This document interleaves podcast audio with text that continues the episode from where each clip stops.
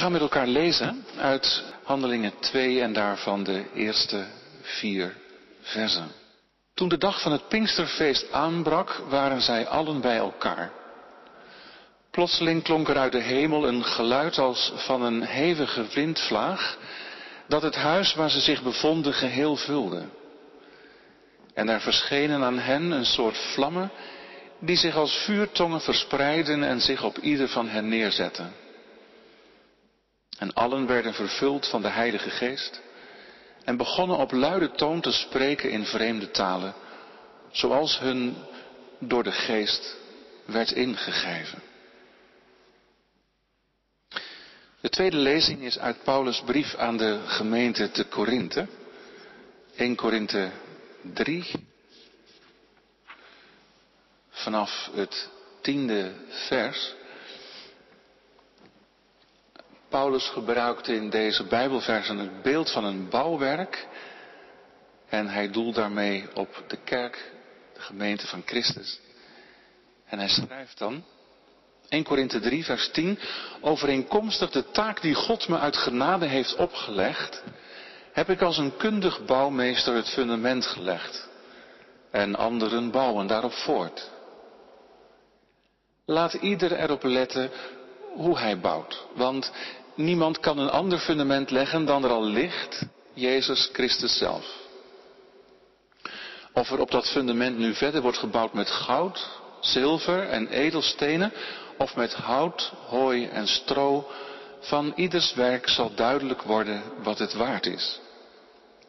Op de dag van het oordeel zal het blijken, want dan zal het door vuur aan het licht worden gebracht.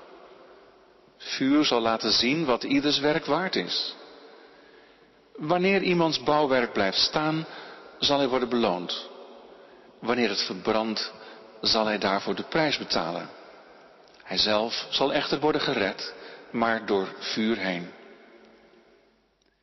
Weet u niet dat u een tempel van God bent en dat de geest van God in uw midden woont? Indien iemand Gods tempel vernietigt, zal God hem vernietigen. Want Gods tempel is heilig en die tempel bent u zelf. Tot zover de lezing uit het woord van de Heere God. De tekst voor de verkondiging is 1 Korinthe 3, vers 16. Dat Bijbelwoord lees ik nog een keer. Weet u niet dat u een tempel van God bent en dat de geest van God in uw midden woont? Waar God zich vinden laat, dat schrijf ik als thema boven mijn preek. Gemeente van Christus, zusters en broeders, zoals altijd waren ze er ook nu. Ze zijn er gewoon de volgelingen van Jezus. Gewoon in de tempel, het huis van God. En daar gebeurt het dan. Daar wordt het dan Pinksteren, daar is God zelf. En hoe? Het was een oogstfeest, Pinksteren. De eerste vruchten van de oogst werden God gebracht, daar in zijn tempel. Maar deze keer is het vooral andersom. God die verrassend geeft, zijn geest geeft. Die de eerste vrucht is van een nog veel grotere oogst. Want de oogst van Christus is enorm. De vruchten van zijn dood en opstanding zijn ontelbaar. En de geest is een eerste vrucht van die oogst. Een heel mooie. In de tempel waren ze samengekomen. En daar in die tempel gebeurt dan van alles bij God vandaan. Toeval? Nee, want daar zal ik bij u komen, had hij gezegd, God, langer geleden. Hij heeft zo zijn eigen voorkeur. Daar in de tempel zal ik bij u komen. Maar ja, die tempel, Die van toen. Wat is daar nu van over? Niet zo heel veel meer. Stukje muur, de klaagmuur in Jeruzalem. De Romeinen verwoesten die prachtige tempel in het jaar 70 na Christus. Waar is de tempel gebleven? Die van Handelingen 2, die plek waar grote dingen gebeuren bij God vandaan. Paulus wijst hem aan. In die brief, in dat fragment dat we samen hebben gelezen. Hij schrijft die Corinthiërs een pittige brief, zij hadden dat nodig. Ook in die stad was hij gekomen tijdens een tweede zendingsreis, stichtte daar een gemeente, maar nu, een aantal jaren later, staat die gemeente er niet best op.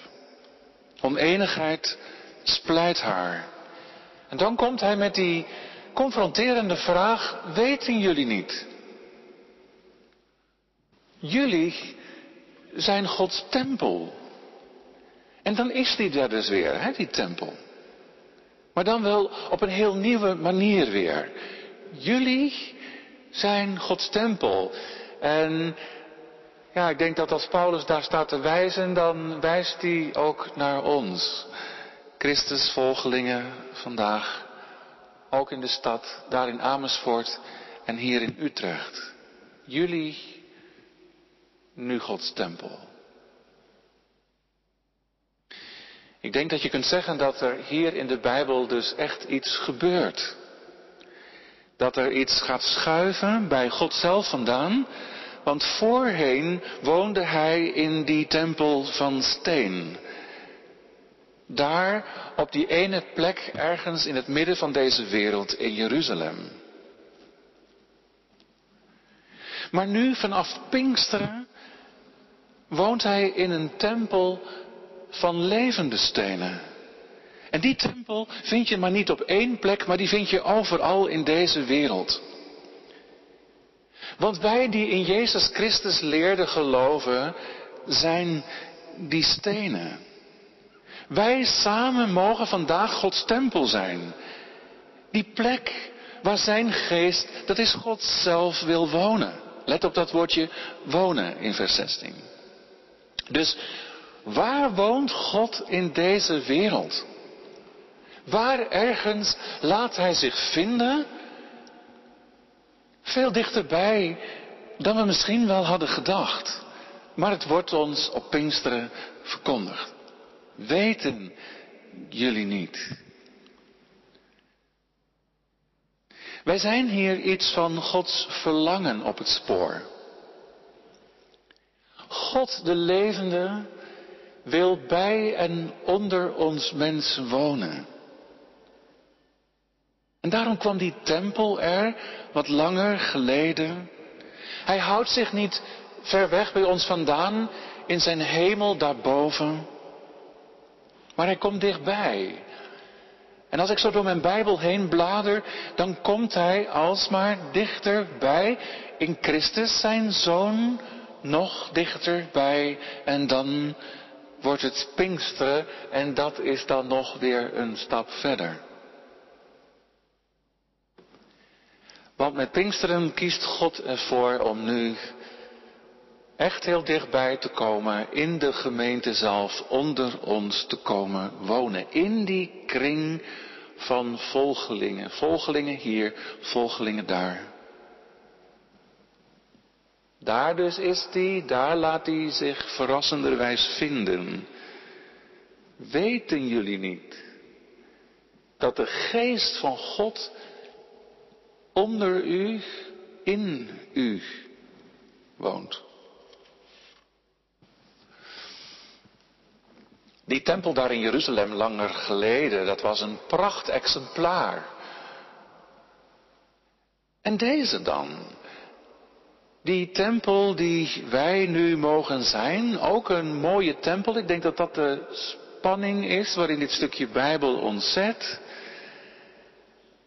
Ja, en dan kun je het gerust een verrassing noemen of met de Bijbel genade noemen dat God onder ons zijn tempel opricht, onder ons mensen vandaag wil wonen. Want zo fraai is het lang niet altijd wat wij van die kerk van hem maken.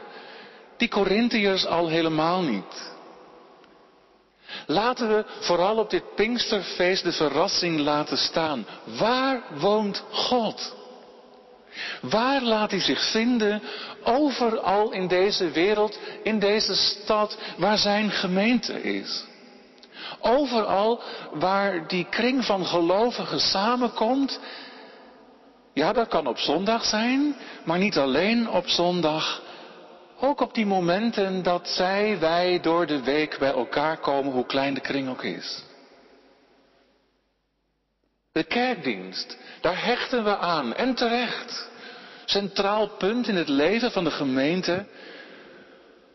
Maar het is goed dat we ons op Pinksteren opnieuw bedenken dat de Heere God op zoveel plekken en momenten meer en vaker ons nabij komt. Ons ongedacht opzoekt, opraapt, opricht, aanspreekt, zich vinden laat. Je zou ook zo nog weer eens naar die kring kunnen kijken waar je naartoe gaat. Of noem maar op. Die vereniging waar jongeren samenkomen. Die studiekring. Misschien moeten we naar al die verschillende plekken die er in de gemeente zijn van toerusting en bezinning weer eens op een een nieuwe manier leren kijken. Laten we ze eens even tegen het licht houden, het licht van 1 Korinthe 3. Opwaarderen. Weten jullie niet? Nee. Soms zakt dat weg. Misschien moet je ook wel zeggen, plat het wat af. Zetten we dat soort activiteiten door de week naast al die andere activiteiten waar je zo op druk mee bent. En dan sneuvelen die van de kerk soms zomaar en heel gemakkelijk. En dan is daar een apostel en die begint over Gods tempel. Weten jullie niet dat jullie Gods tempel zijn? Waar wij samenkomen, daar is Hij. Waar je samenkomt ook door de week in kleine kring, wie weet, laat Hij van zich horen, laat Hij van zich zien. Gelukkig ook door de week. En dat is nu precies wat je van die momenten ook mag verwachten. Daar zal ik bij u komen, zei God vroeger. En ik geloof dat dat voor al die andere momenten vandaag ook geldt. Jullie zijn Gods tempel. Midden in deze wereld. Waarvan alles gebeurt. Waarin je soms afvraagt. Is er nog iets van God waar te nemen? Te zien? Waar is Hij? Laat Hij zich zien. Is er een plek waar Hij onder ons mensen woont? Waar Hij zich laat vinden? Niet ver weg, heel dichtbij. Denk aan dat lied. Dat lied dat je op een keer heel diep raakte. Denk aan die preek die je nooit meer vergeet. Denk aan die kringavond waar je elkaar wist te vinden. Waar iets gebeurde waar je niet zomaar woorden aan geeft. Aan die ontmoeting met hem, met haar, de opmerking gemaakt werd, haken bleef. Wat is dat? Dat zijn van die momenten dat je ervaart wat hier in de Bijbel staat. Gods geest woont onder u, in u. Dan ervaar je dat het waar is. Waar zijn tempel is, daar is hij zelf. En dan denk ik, laat ik er dan ook maar zijn. Als hij er is, ben ik er ook. Ik denk dat deze Pinkstertekst, 1 Korinthe 3, een boodschap is van hoop en ook van troost. God is dichterbij dan ooit. En tegelijkertijd zit er ook een stuk spanning op die tekst van vanmiddag. Die woorden van Paulus. als die zegt, weten jullie niet, dan, dan, dan, dan voel je die spanning. Hij confronteert die Corinthiërs. Ze zijn tot het geloof gekomen in Jezus Christus. Maar hoe zij nu invulling geven aan hun leven en hoe zij nu invulling geven ook aan samen kerk zijn. Weten jullie wie jullie zijn?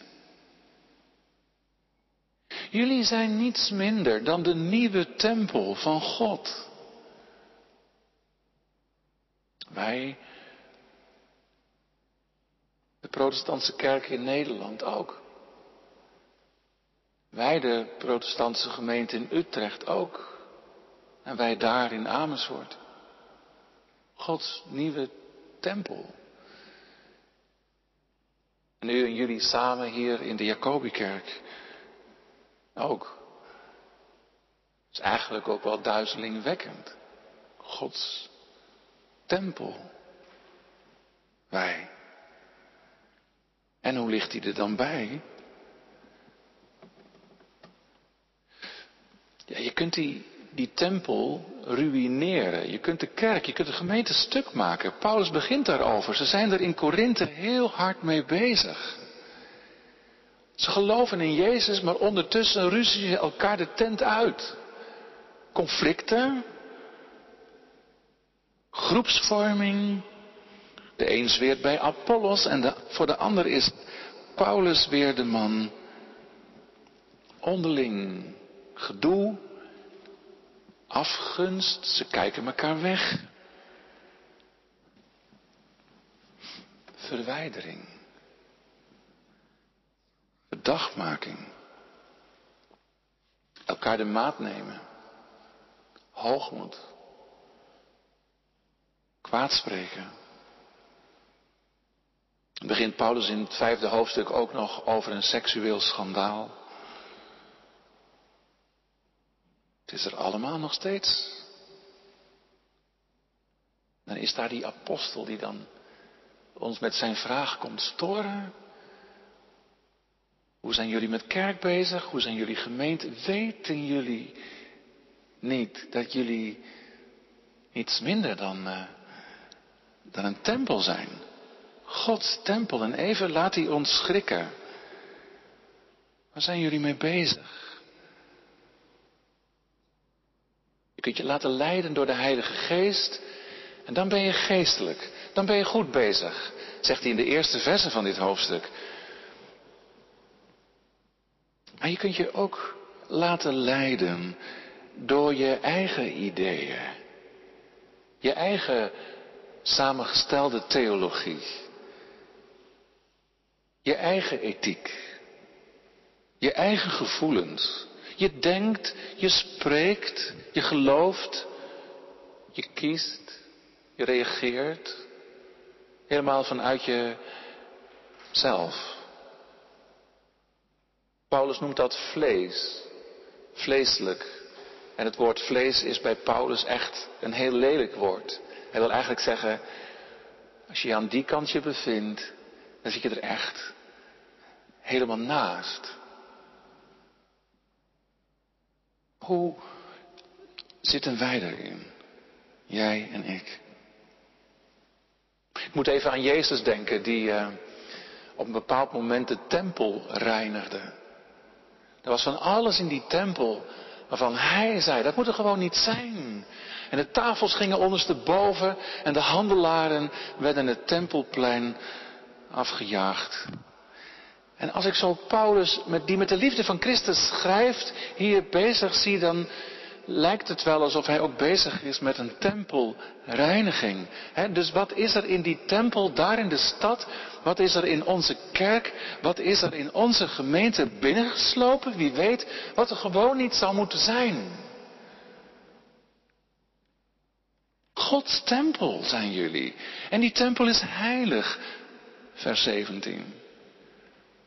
Ik word er op dit Pinksterfeest mee geconfronteerd dat de geest gekomen is. Dat God onder ons wil wonen, maar dat wij het God onmogelijk kunnen maken om onder ons te blijven.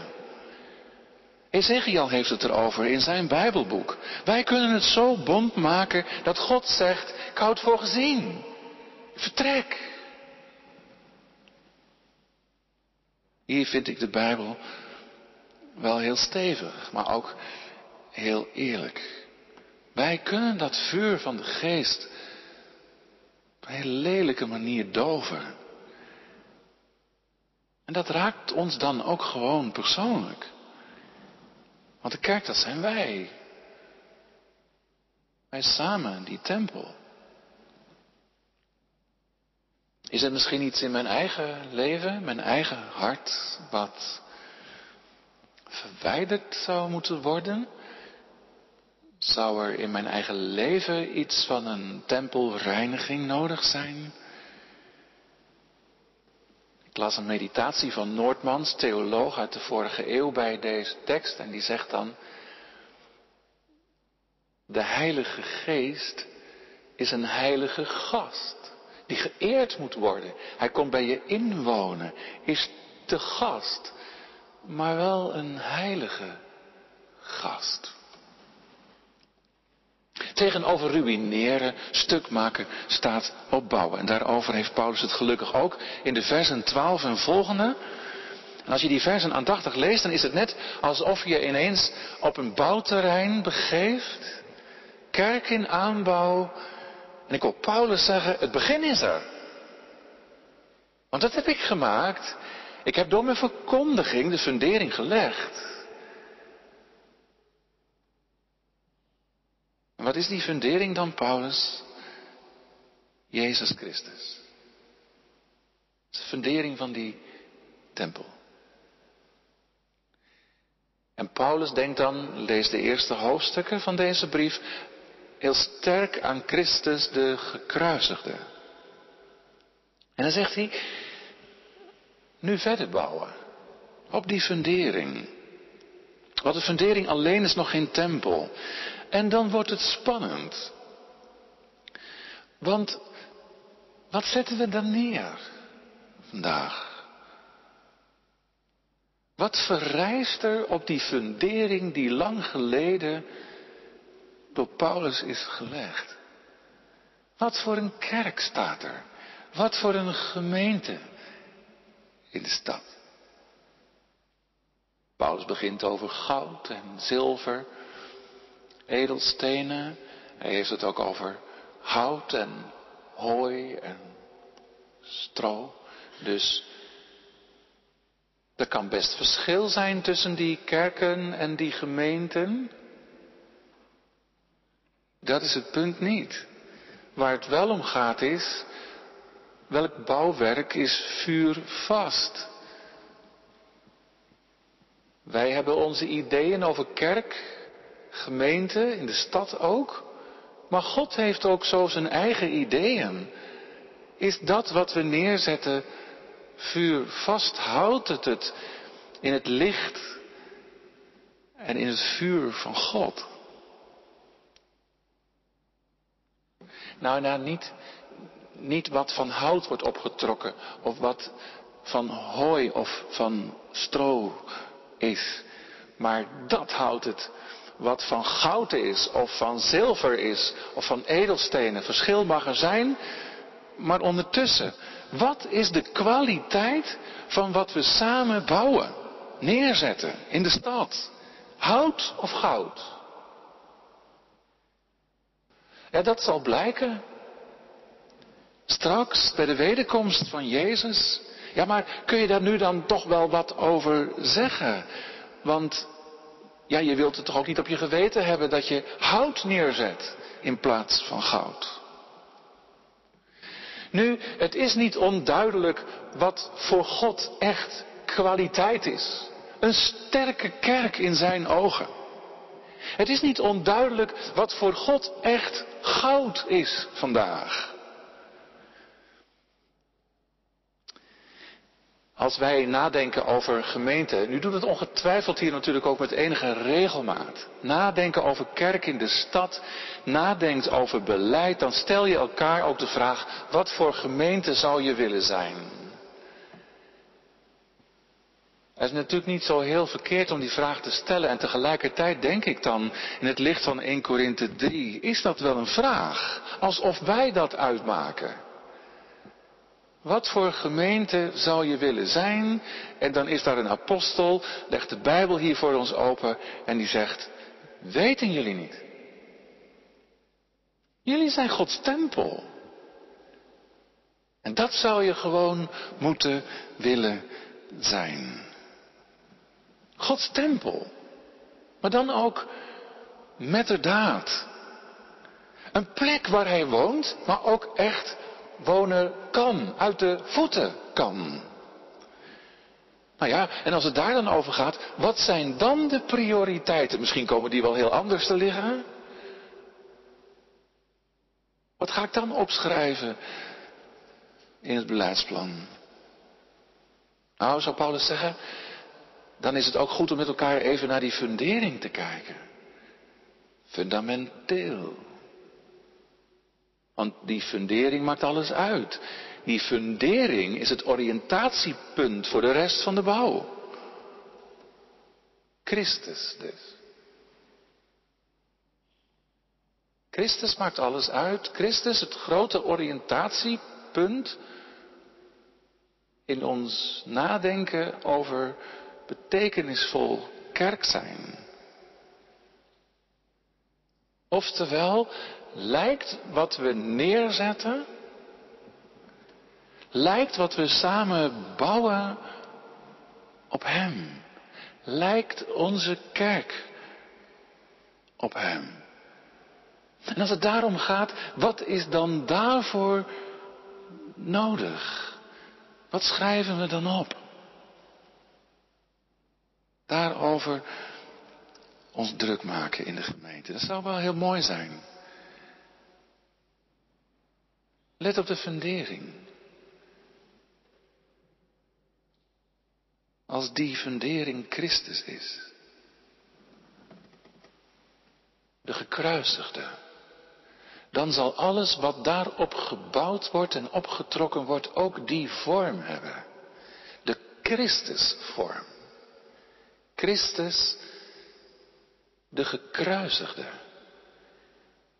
Al mooi dat heel veel oude kerken de vorm hebben van een kruis. Dat is mooi bedacht. De fundering een kruis. En alles wat daarop opgebouwd is. Misschien wel in de loop van eeuwen ook. Een kruis. Veelzeggend. Ja, maar hoezo? Wat betekent dat dan heel concreet? Wel dat in zo'n kerk, in zo'n gemeente, in zo'n kring van volgelingen, Christus zelf steeds weer opnieuw opstaat. Dat Hij gaandeweg zichtbaar en steeds meer zichtbaar wordt. In de manier waarop we die kerk zijn. In de manier waarop we samen die kring van volgelingen zijn. In de manier ook waarop ik zelf invulling geef aan mijn navolging van Christus. En wat past daar dan bij? Als je je oriënteert aan Hem, bouwt op Hem, de gekruisigde. Ja, volg Hem maar, zie Hem maar. Daar past liefde bij. En zachtmoedigheid. Vriendelijkheid. Geduld. Dat je betrouwbaar bent. Dat je jezelf weet te beheersen. Dat het je verlangen is om dienstbaar te zijn aan God en anderen. Dat je de ander, zou Paulus zeggen, uitnemender acht dan jezelf. Kijk, zo'n kerk, zo'n gemeente, zo'n kring van volgelingen is voor God goud. Ga er maar aan staan. Ja, maar wacht even, die dingen die je daarnet noemde, dat zijn toch allemaal vruchten van de geest, ja? Dat betekent dat, dat de geest zelf het is die zo'n kerk neerzet die zo'n kring van volgelingen laat opstaan. En dat die Pinkstergeest het is die daarmee in de weer is. Die dat maakt en neerzet. Daarom bidden wij hartstochtelijk, vurig, steeds weer opnieuw. Kom, schepper geest. En daal ook nu weer af in ons midden. Opdat we, al is het met vallen en opstaan, steeds meer die kerk, die gemeente zullen zijn. Die in uw ogen goud is. Ze waren er heel gewoon weer. Die volgelingen van Jezus in de tempel. En daar was God. Op een ongedachte manier. Wij mogen nu zijn tempel zijn. Die plek waar hij zich ook in onze dagen laat kennen. Waar hij zich vinden laat. Dat betekent dat ik van al die momenten en plekken waar wij samenkomen op zondag en door de week heel veel mag verwachten. Weten jullie niet dat Gods geest in u woont? Dat is op al die momenten gewoon waar. En het wachten op God en het wachten op zijn geest is niet vergeefs. In de tempel van God gebeuren ongedachte dingen. God zelf komt. En als wij dan samen die tempel mogen zijn. Waarom zou ik naar de kerk gaan? Was een vraag die Van Ruller decennia geleden stelde. En als variant erop zeg ik, waarom zou je naar de gemeente gaan? Waarom zou je er gewoon bij zijn, erbij zijn, als ze samenkomt, hoe klein de kring ook is, ook door de week? Wel, ik wil er gewoon bij zijn, omdat ik het niet wil missen. Dat God daar is. Als ik hem ergens vinden kan, hij zich ergens vinden laat. Dan is het daar. En dan, waar we samen zijn, in zijn naam, drie, vier, vijf, rond de opengeslagen Bijbel. Met meer op zondag, door de week. Daar zal ik bij jullie zijn, zei hij, langer geleden. Hij zegt het op een heel nieuwe manier. Nog steeds. Als hij daar is, dan ben ik daar toch ook maar heel gewoon. Amen.